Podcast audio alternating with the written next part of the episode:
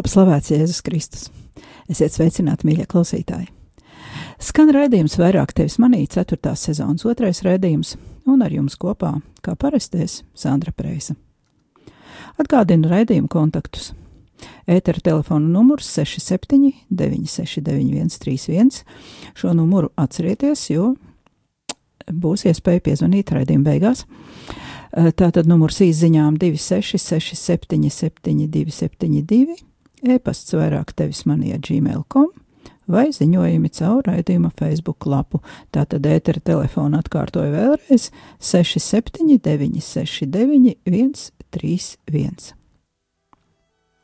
Iepriekšējā raidījumā sākām lasīt pāvesta Franciska vēstuli ticīgajai tautai, kuru viņš ir sarakstījis sakarā ar dažādiem skandāliem baznīcā, kuri saistīti ar priesteru seksuālo aktivitāti. Šīs nedēļas laikā ir noticis arī viens skandāls Latvijā, taču par to es nevēlos daudz runāt, jo jau diezgan daudz par to ir izteicies gan arhibīskaps, gan Rēzeknis Aglons bīskaps Būlis, gan Marijāņu kongregācija, gan ticīgā tauta. Par to tika runāts arī priesteru katehēzē rādījumā arī Latvija, liekas, 6. septembrī. Tā kā nav vēl nekādu pierādījumu un patiesi ticamu faktu, bet ir vienīgi klačas internetā, eh, bez tam ir pieļauta arī rupja datu aizsardzības cilvēktiesību pārkāpumi un nevainības prezumcijas ignorance, tad personīgi mani tas dara uzmanīgu un mazina ticību ziņas patiesumam. Kā jau sapratāt, es runāju par kādu 73 gadus vecu Latgales priesteru apcietināšanu, kuram līdz šim ir bijusi nevainojama reputācija. Pagaidām tas viss ļoti izskatās pēc provokācijas, vismaz pēc manām domām.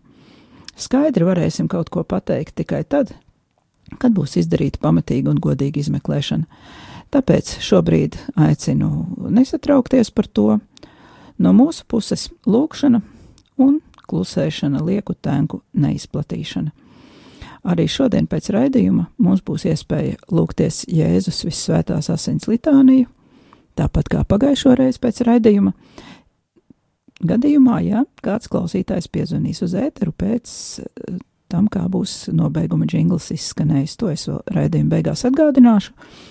Bet tagad lūgsim Dievmātes un Svētā Dominika aizbildniecību sev pašiem un raidījumam, un reizē arī par šīm problēmām, kuras mēs apskatām raidījumā. Bet pēc lūkšanas turpināsim ieklausīties pāvesta vārdos. Dieva tēva un dēla un svētā gara vārdā Āmen. Tavā patvērumā steidzamies, svētā dieva dzemdētāja, nenicini mūsu lūgšanas, mūsu vajadzībās, bet izglāb mūs vienmēr no visām briesmām. Tu godināmā un svētā jaunava, mūsu valdniece, mūsu vidutāja, mūsu aizbildinātāja, izlīdzini mūs ar savu dēlu, novēli mūs savam dēlam, stādi mūs savam dēlam priekšā.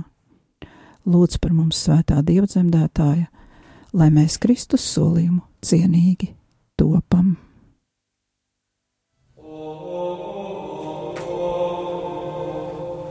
Amen.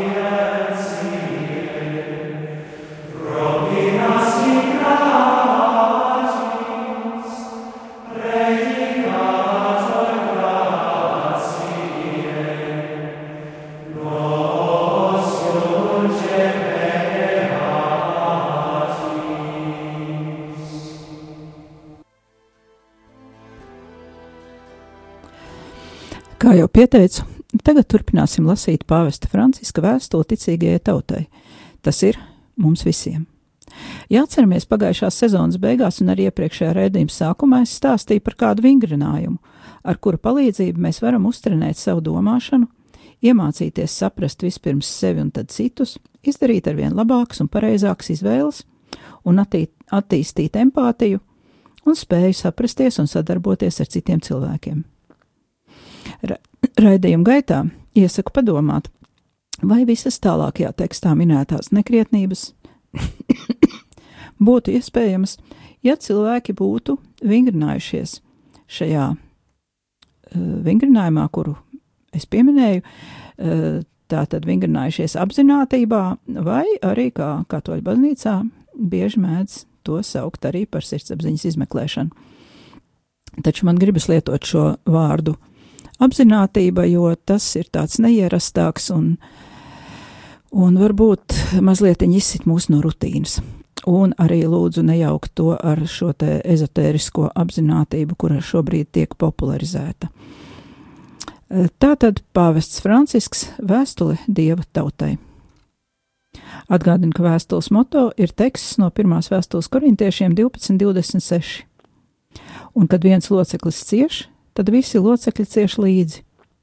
Vai kad viens loceklis tiek godāts, tad visi locekļi priecājas līdzi.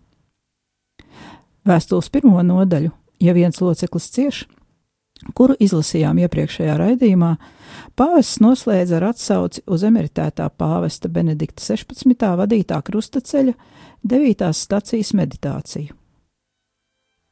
Nolasīšu pilnu šīs meditācijas tekstu. Ko mums var pastāstīt Jēzus trešais kritiens, nesot smago krustu? Mēs jau esam pārdomājuši cilvēka krišanu vispārējā nozīmē, un arī daudzu kristiešu kritienu prom no Kristus un iekrišanu bezdievīgā sekulārismā. Vai mums nebūtu jāpadomā arī par to, kā cieš Kristus pats savā baznīcā? Cik bieži viņa klātbūtnes svētais sakraments ir pieņemts un dalīts svētzadzīgi, ļaunās un tukšās sirdīs? Cik bieži mēs svinam vienīgi paši sevi, pat neapzinoties, ka viņš ir šeit. Cik bieži viņa vārds ir izkropļots un izmantots ļaunprātīgi. Cik maz ticības stāvēs tik daudzām teoloģiskām teorijām, tik daudz tukšu vārdu, cik daudz netīruma un nelietības ir baznīcā, pat to vidū, kuriem savā priestrībā vajadzētu piederēt vienīgi viņam. Cik daudz lepnības, cik daudz pašapmierinātības, Cik maz uzmanības mēs veltam izlīkšanas sakramentam, kurā viņš mūs gaida, gatavs mūs piecelt pēc kārtējā kritiena. Tas viss ir klātesošs viņa ciešanās. Viņa mācekļu nodevība, necienīgā viņa miesas un asins pieņemšana ir patiešām vislielākās ciešanas, kuras piedzīvo mūsu pestītājs. Tās caurdur viņa sirdi. Mēs varam vienīgi saukt uz viņu no mūsu sirds pašiem dziļumiem. Kirie Leisona, kungs, apžēlojies par mums. Citāta beigas. Kyrie.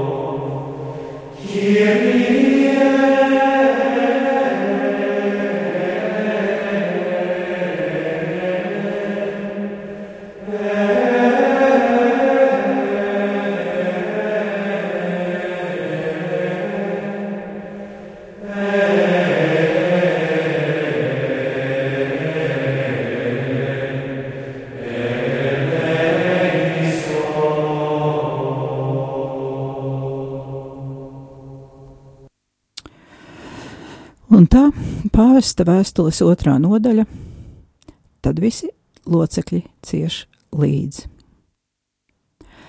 Visa notikušā apmēra un smagums liek mums uzlūkot šo re realitāti plaši un visaptveroši. Lai gan jebkurā smagā situācijā ir nepieciešams noskaidrot patiesību un saprast, kas tad īsti ir noticis, šajā gadījumā ar to vien nepietiek. Šodien mēs, kā dieva tauta, esam aicināti ņemt uz sevis savu brāļu un māsu sāpes, kuri ir ievainoti gan miesā, gan garā. Ja pagātnē mūsu atbilde bija neizpratne, nolaidība un bezdarbība, tad šodien mēs vēlamies solidaritāti visdziļākajā un plašākajā nozīmē. Mēs vēlamies būt mūsu tagadnes un nākotnes kalēji. Mūsu mērķis ir vide, kurā konfliktu spriedzes un pirmām kārtām dažāda veida vardarbības upuri varētu atrast pastieptu palīdzīgu roku, kura viņus aizsargātu un palīdzētu viņiem pārvarēt savu sāpīgo pieredzi. Pāvests par to runā un arī pats sevi citē, tātad Evangelija Gaudium 228. punkts. Šāda solidaritāte prasa, lai mēs būtu gatavi nosodīt jebko, kas var apdraudēt jebka, jebkuras personas integritāti. Tā ir solidaritāte, kura aicina mūs cīnīties pret jebkāda veida samaitātību, jeb korupciju, kā saka pāvests un it īpaši pret garīgo samaitātību. Pēdējais ir jāsaprot kā komforta un pašpietiekamības izraisīta akluma forma.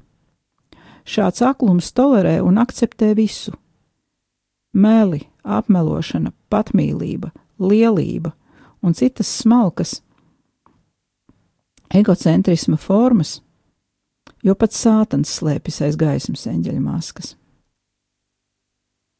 Tagad citēšu pāvesta pieminēto fragmentu no pamudinājuma: priecājieties un līksmojiet pilnībā.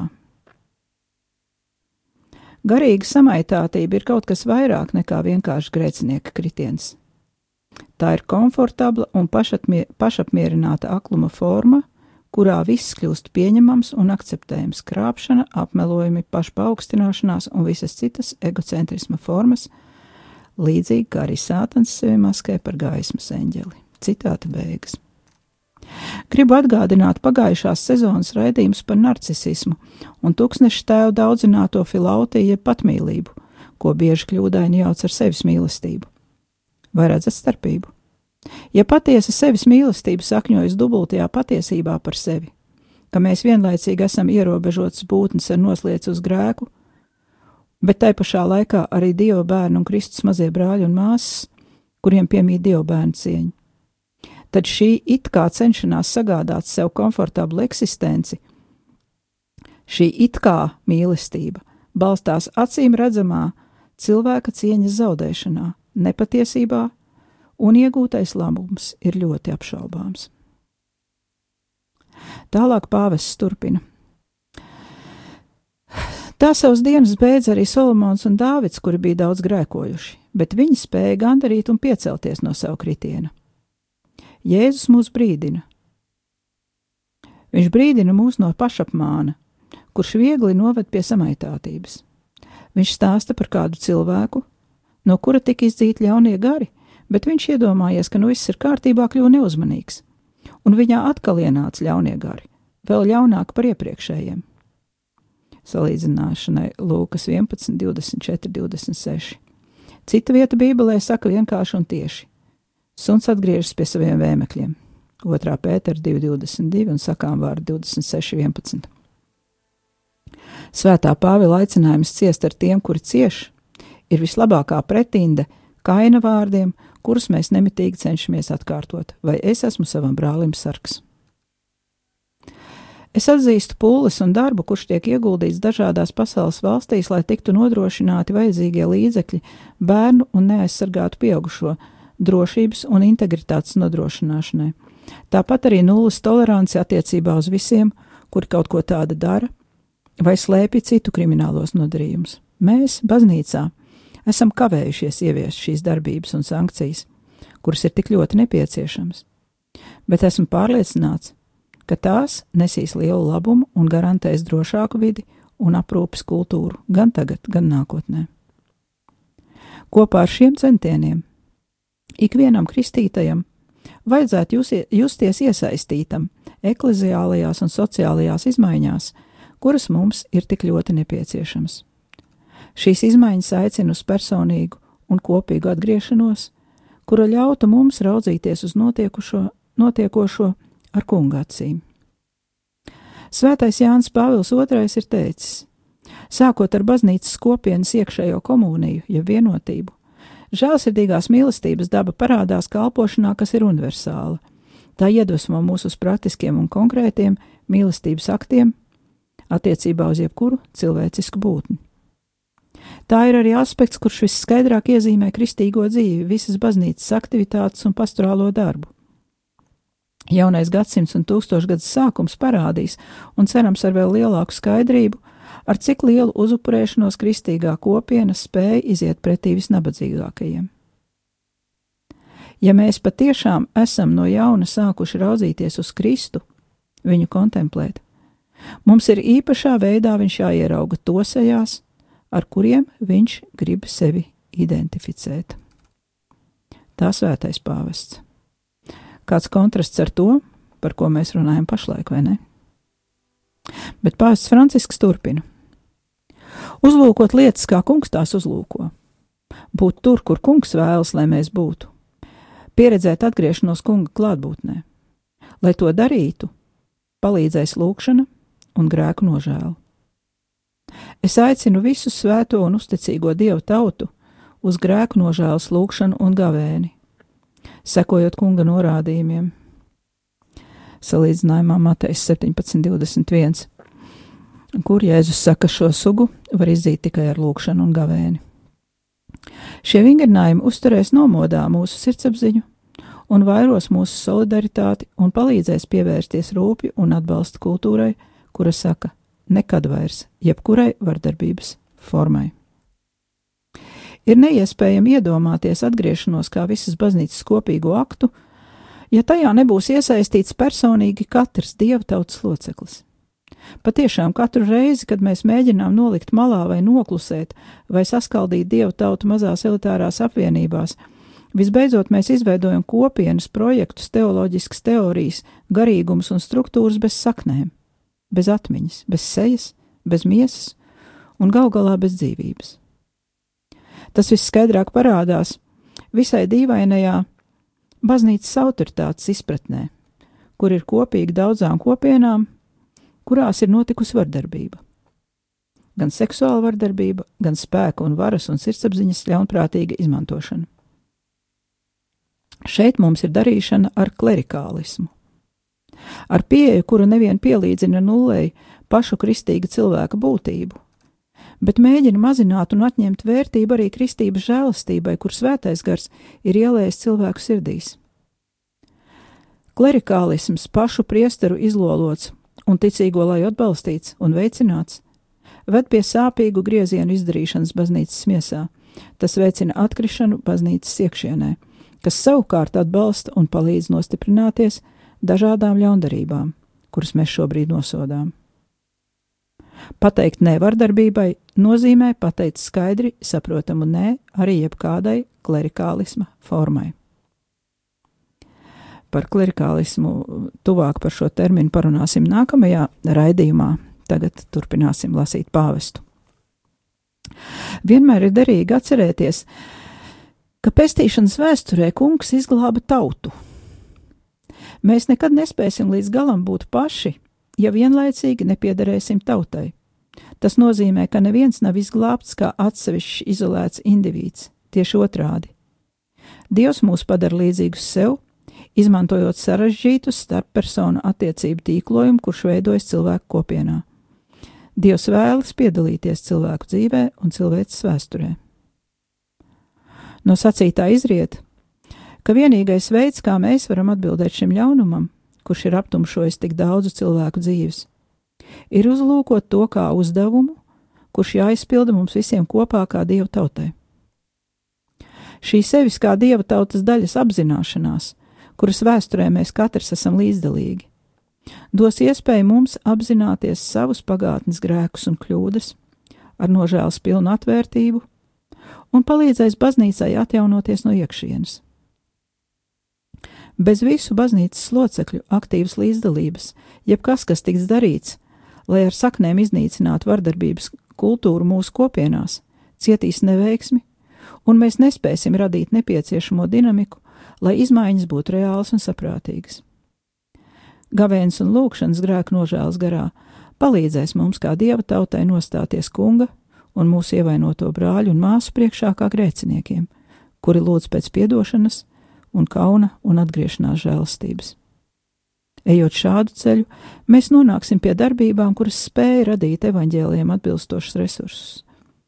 Jo cik reižu mēs cenšamies atgriezties pie avotiem un atjaunot sevī sākotnējo evaņģēlisko skaidrību, tik reižu paveras jauni apvāršņi, jauni ceļi un atklājas jaunas iespējas radošumam, jauni izteiksmes veidi, piemērotāki vārdi un zīmes, kuras no jauna spēja atklāt jēgu mūsdienu pasaulē.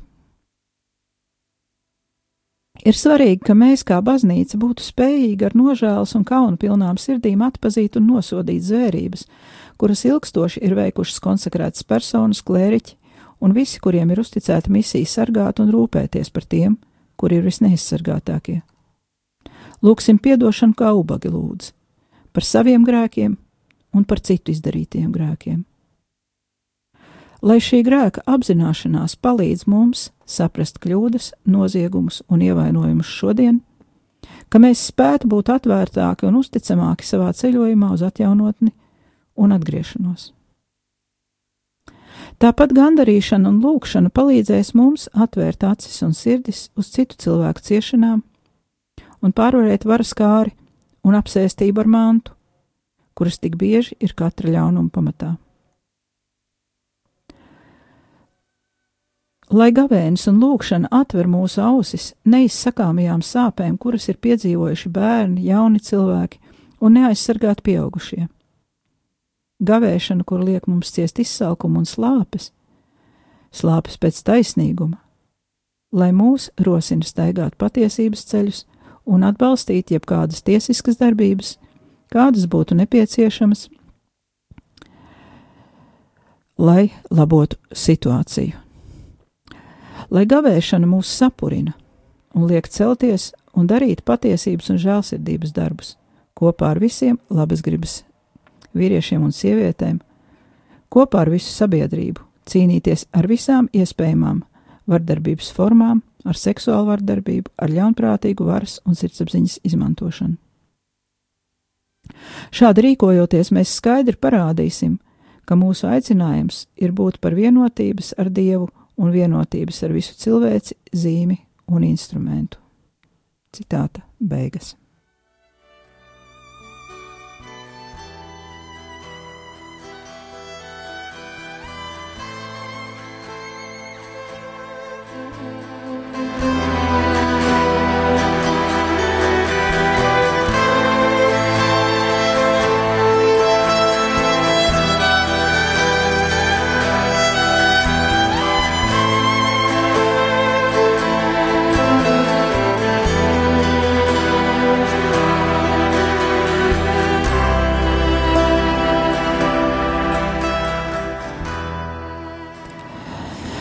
Tas bija citāts no Lumen Gentium, no Otrā Vatikāna koncila dokumenta. E, taču, ja mēs lasām pilnu šo citātu, ko, uz kuru atsaucās pāvests, tas izskan vēl spēcīgāk. Lai baznīca caur Kristu ir kā sakraments, jeb reizē zīme un instruments, kas veido ciešāku vienību gan ar Dievu, gan ar visu cilvēci. Citāta beigas. Tātad mēs esam baznīca Tātad mēs esam sakraments, visa ticīgā tauta Kristū. Pāvests turpina. Ja viens loceklis cieš, visi pārējie cieš līdz ar viņu, teica apustulis Pāvils. Ar lūgšanas un gandarīšanas attieksmi mēs kļūsim vienoti savā starpā, gan kā atsevišķas personas, gan kā kopiena, atsaucoties šim aicinājumam, lai mēs varētu augt līdzcietības dāvanā, taisnīgumā, radīt preventīvi aizsargājošu vidi un atlīdzināt par ciešanām. Marija izvēlējās stāvēt zem sava dēla krusta pie viņa kājām. Viņa darīja to nešauboties un pilnībā nostājoties viņa pusē. Tādā veidā viņa apliecina to, kā viņa ir dzīvojusi visu savu mūžu. Tagad, kad mēs piedzīvojam iekšēju iztukšotību, kur radījuši šie baznīcas ievainojumi, mēs darīsim pareizi, ja kopā ar Mariju kļūsim uzticīgāki lūgšanā, cenšoties arvien vairāk pieaugt mīlestībā un uzticībā baznīcai. Viņa kā pirmā no mācekļiem māca mums, visiem, arī kā mācekļiem, kā ir jāstāv nevainīgo cilvēku ciešanu priekšā, bez sevis attaisnošanas un bez gļēvulības. Skatoties uz Mariju, mēs atklājam, kāds izskatās patiesas Kristus sekotājs. Lūksim, lai svētais gars dāvā mums atgriešanās žēlastību un iekšēju svaidījumu, kas nepieciešams, lai šo vardarbības noziegumu priekšā mēs spētu atklāti parādīt gan savu nožēlu, gan stingru apņēmību drosmīgi pret šiem noziegumiem cīnīties. Tās ir vēstules beigas, vēstule uzrakstīta Vatikānā 20. augustā 2018. gadā. Ar to tad šovakar arī raidījumu beigsim. Atgādinu, ka gaidu zvanus lūkšanai ēterā tūlīt pēc raidījuma jingla. Tātad telefona numurs 67 969 131 un pēc jingla gaidu zvanus. Ja telefona zvanu nebūs, tad lūkšana ēterā neskanēs, bet aicinu lūgties individuāli, jo baznīca patiešām šobrīd ir, jāsaka, pārbaudījumu un arī atjaunotnes ceļa priekšā. Tātad lūksimies par saviem, par baznīcas grēkiem, un lūksimies, lai baznīca piedzīvo brīnišķīgu atjaunotni. Paldies, ka klausījāties, izskan raidījums vairāk tevis manī, un ar jums biju es Sandra Preisa. Tagad gaidu zvanus lūkšanai.